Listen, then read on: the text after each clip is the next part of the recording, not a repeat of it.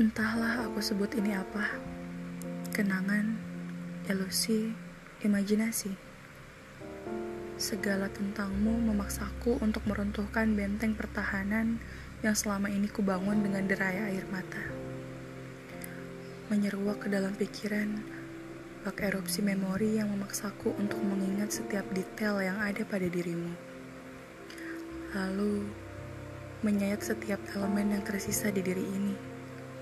Ibarat kata sakit tidak berdarah itu benar adanya. Bagaimana mungkin ini masih terjadi?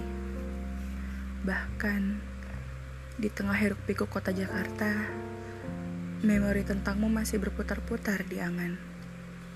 Sial. Satu kata banyak makna yang sanggup mewakili apa yang diri ini tengah rasakan.